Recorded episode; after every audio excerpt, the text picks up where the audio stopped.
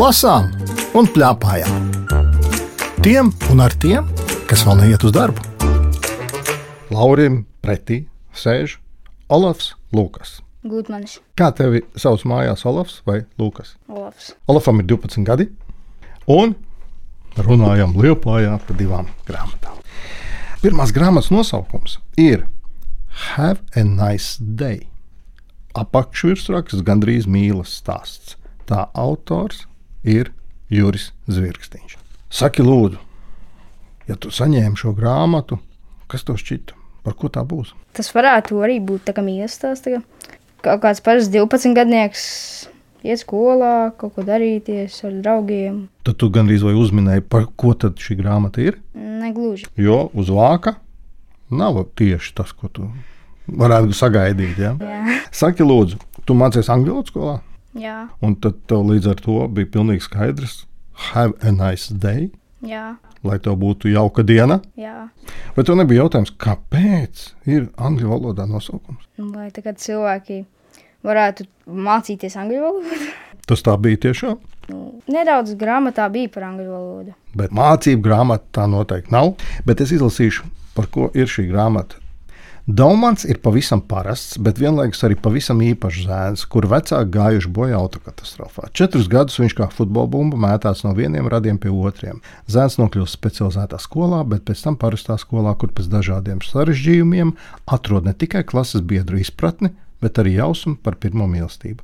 Apsmietajam Dalmantam izdodas kļūt par skolas varoni, piemēram, futbola spēlē pret katoļu skolas komandu. Viņš ir abu goda vārtu autors. Samara daudz izstāstīja, Jā. bet vai visu? Nē. Kas tev patīk vislabāk šajā grāmatā? Patika tas, nu, jā, ka ir arī iesaistīta angļu valoda, ne tikai latviešu valoda.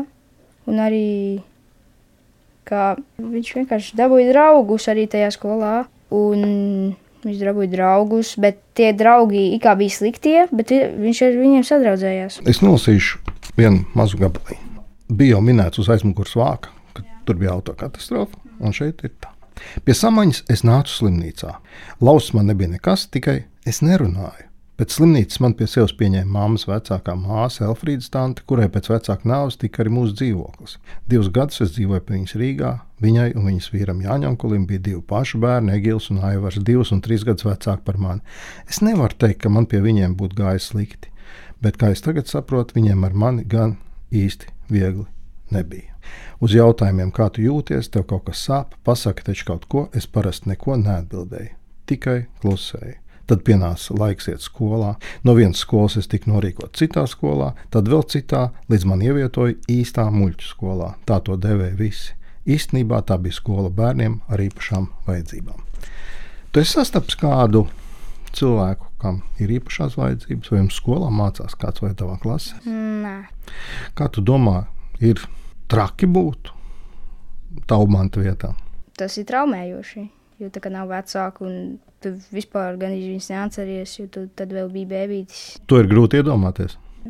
Jā, Daumans jau arī saka, ka viņam tāds vārds ir un viņu iesauka, viņam ir daunis no sākuma.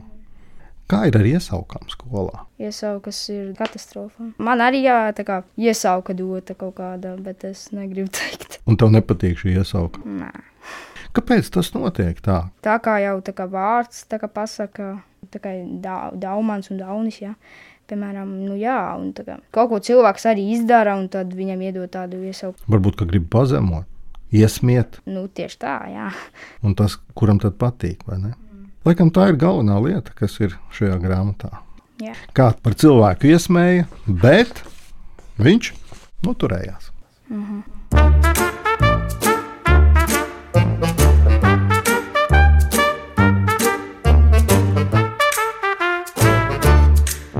Tu jau pieminēji, Dalmantam ir darīšanas ar tādu puiku bandu, ne bandu, nu baru. Tev arī skolā ir bijuši piedzīvojumi ar to, kā apvienojās puikas kādā barā. Varbūt tu pats esi barā. Jā, tā ir bijis. Kāpēc tā notiek? Kopīgs intereses. Un Bet vai vienmēr sliktas intereses? dažreiz arī nevar būt nedarbi, bet nav visu laiku kā, tikai slikts. Šeit ir arī tāda nodaļa ir par ripām. Šis bariņš sauc sevi par mežoņiem, un viņi lieto ripas. Kaut ko tādu es redzēju skolā. Nē.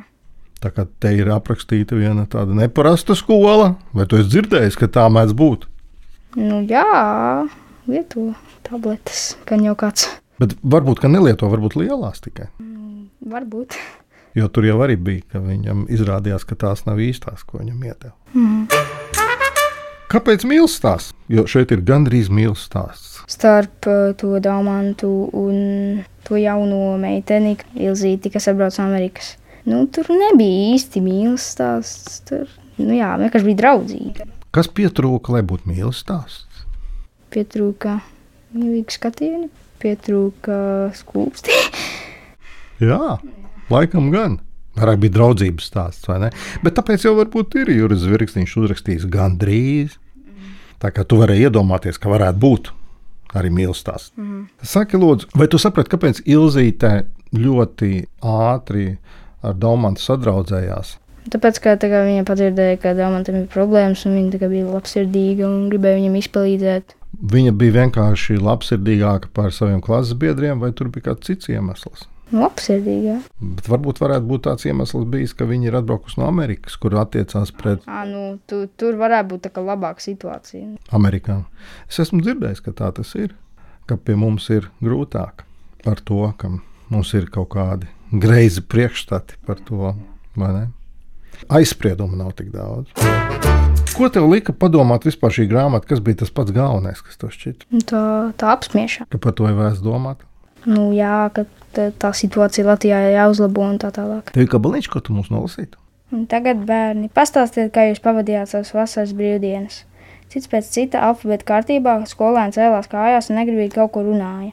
Meitene stāstīja, kā viņas palīdzējuši vecākiem, braukuši ļoti interesantās ekskursijās. Zēni visi kā viens apgalvoja, ka lasījuši grāmatas ļoti biezas un interesantas, bet Leons bija kopā ar vecākiem Eģiptē un jāizsaka mīlestība. Ko tu teiksi pēc šīs vasaras? Nu, tā bija raiba vasara. Tā, nu, jā, tā bija. Nebija nekas tāds galvenais šajā vasarā. Mm, nē. Šīs grāmatas um, mākslinieca ir Elīna Brāsliņa. Jocīgi, vai ne? Ka ir lielajā stāstā ir bildes iekšā. Vai tas ir parasti vai nav parasti? Kā tev patīk, ka ir bildes iekšā? Tas palīdz kā iztēloties tā kā visu. Kā tev patīk Elīnas Brāsliņa zīmējumi šeit iekšā? Tādi brīvi, teiksim tā. Brīvi, kā to saprast? Nu, tā kā brīvi, tā kā zīmējumi. Tā kā, nu, tas nu, tāds nedaudz iztēloties. Bet tas tev atbildi tam, ko tu lasīji. Mm -hmm. Jā, man arī patika ļoti šie zīmējumi. Man šķiet, ka ir tīri forši, ka ir zīmējumi, ka tas tev dod kaut kādu iemeslu domāt vairāk, varbūt, vai ne? Jā. Paldies par šo grāmatu. Interesanti, ko tavs tētis saka par šo grāmatu. Have a nice day, Juris Zvirgadiņš. Um, tāda rimta, mierīga valoda, viegli lasām grāmata. Mazliet padrūma, jo Omīte ir izsūtīta galvenajam varonim Daumantam uz Sibīriju, un arī vecāki ir gājuši bojā. Un, un, um, tas mazliet skumjas iezogas arī šajā grāmatā, bet nu, tas laikam latviešu dabā bez tādām skumjām mēs nespējam iztikt. Bet uh, šī grāmata man ļoti patika un bija viegli lasāma. Man patīk šī rimtā valoda, man patīk šis nedaudz humors, un patīk arī šis galvenais varonis, un arī tie piedzīvojumi, kas viņiem tur gadījās. Tie, protams, nebija tik daudz kā otrajā grāmatā, bet uh, vienalga bija un ar tādu pozitīvu gaisotni.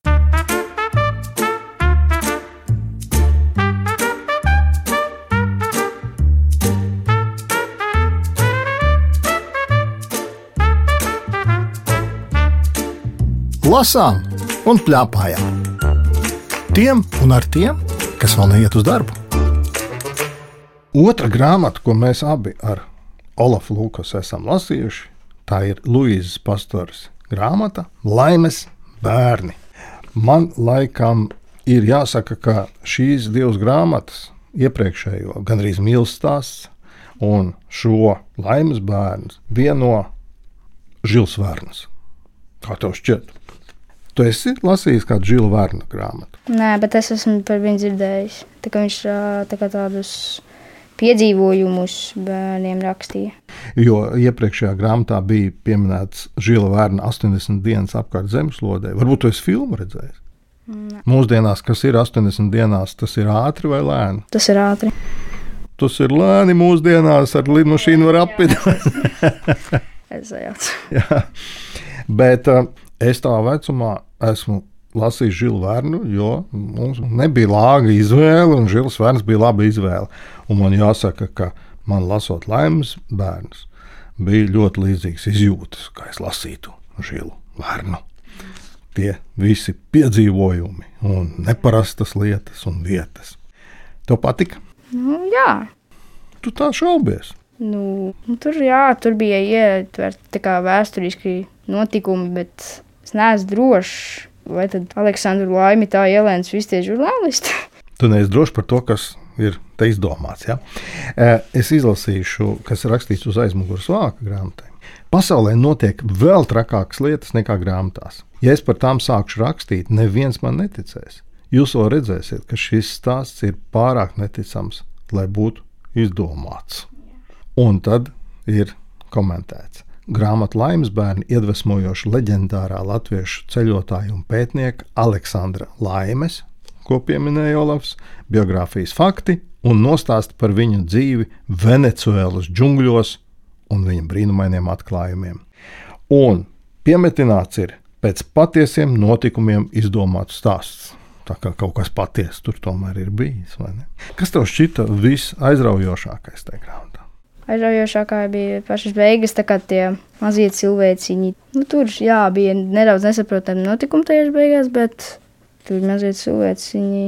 Nu, viņi dzīvo slepenībā, un viņiem ir daudz zelta, un viņi ir bagāti, bet, bet negrib tā kā lai atklātu.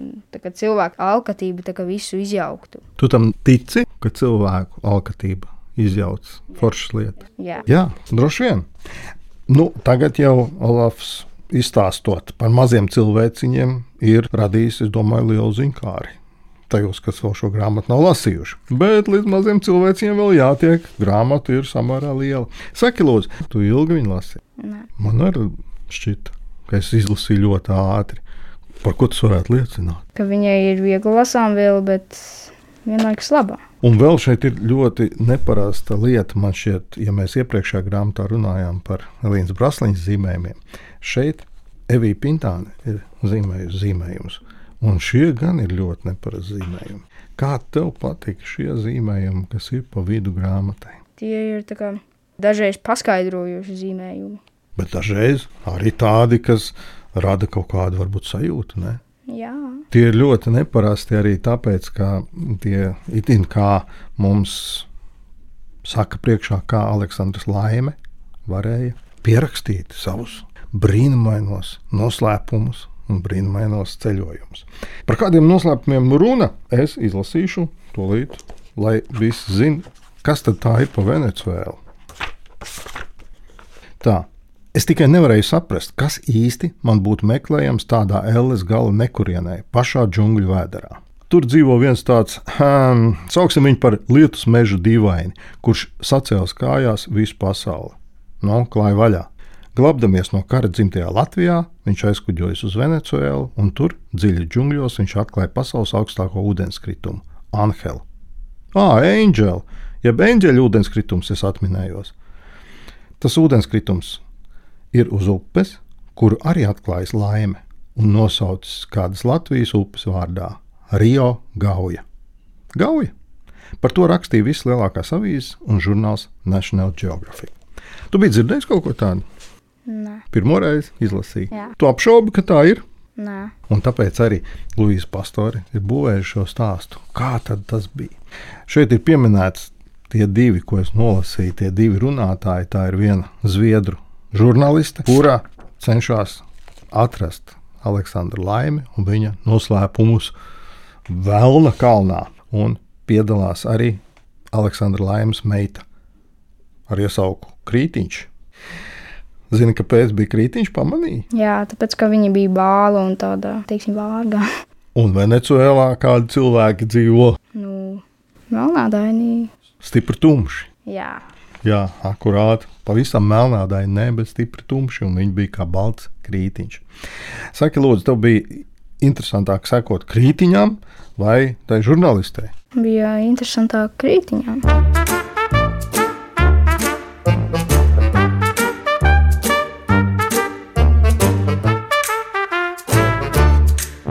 Kurš gabaliņš tev šķiet visinteresantākais no šiem nolasīsim? Atdod visu, kas ir. Es taču jūtu, ka visi pie tevis. Tad es iebāzu rokas kabatās un sāku bērt visu laukā. Vispirms no mēteļa abām kabatām, tad no bikšu kabatām, visu, ko bija sagrābusies no krītiņa pagājušajā naktī, kamēr viņi tik sali dusēja, ka jebkurš nakts zvērs viņu būtu varējis apēst. Tur bija diezgan daudz zelta, pāris lielu dimanta tīreņu, daudz sīciņu. Terijs jo mirkli, jo kļuva priecīgāks. Krītiņš tikai stāvēja un blendza manī, un viņas acis pildījās asaru pērlītēm. Aha, tu iezinkāroji vēl vairāk, es domāju, cilvēkus, vai ne? Tā tad ir runa par zeltu un dimantu, un tā ir realitāte.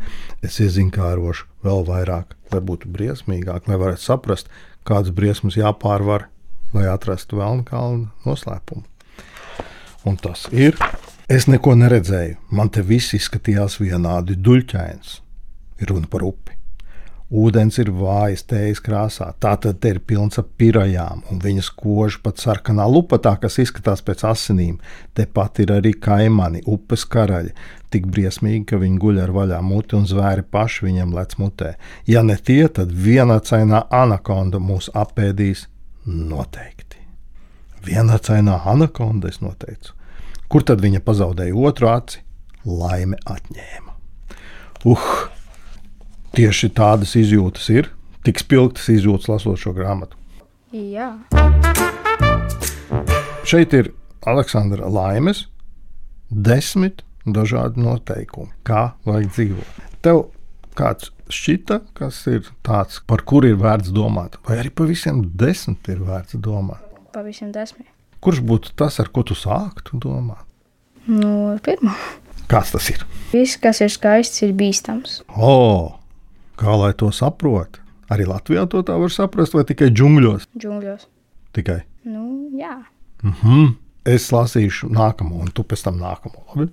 Visi, kas dikti pārņemti ar domām par to, lai tikai ar kaut ko ieiet pasaules vēsturē, drīz vien ir pagalam. Man šķiet ļoti labs padoms ka vajag domāt nevis par sevi, ne, bet par to, kas pasaulē ir svarīgs.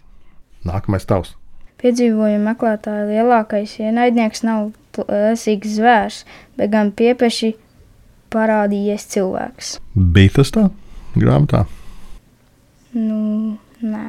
Bet bija taču atceries Terijs. Ā, nu tās jā. Tu jau pats nolasīji to gabalu par Teriju, kurš pēkšņi izlien un izrādās, ka ar cilvēku ir visgrūtāk. Jo cilvēks ir neparedzamāks, dzīvnieks ir paredzamāks. Tikai ja tu pazīsti dzīvnieku, ja tu esi dabā iekšā, par ko Aleksandrs Laime ļoti daudz runā. Un pēdējais viņa padoms. Dažreiz vajag aizmirst visus likumus, aizmirst visu, ko tu zini, un vienkārši piedzīvot. Es laikam ieteiktu piedzīvot šo grāmatu, vai ne? Jā. Šī grāmata ir ļoti labi novērtēta arī pasaulē. Boloņā notiek bērnu un jauniešu grāmatu tāds ļoti liels festivāls, un šajā festivālā šogad šī grāmata saņēma balvu jaunie apvāršņi. Ko tas nozīmē? Tas nozīmē to, ka ir kaut kas tāds ļoti īpašs šajā grāmatā, kas nav citās grāmatās. Mēs laikam iesakām. Jā. Ar Olafu Lukas runājās Lauris Gundars, raidījuma redaktori Agita Bērziņa, skaņu režisori Valdis Raitums un Emīls Drēblats. Raidījumu vēlreiz var noklausīties Latvijas rādio jaunajā lietotnē, mājaslapā un arī arhīvā. Tiekamies!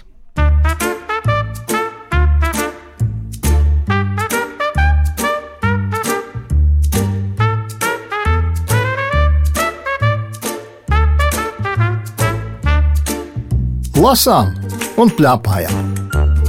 Tiem un ar tiem, kas vēl neiet uz darbu.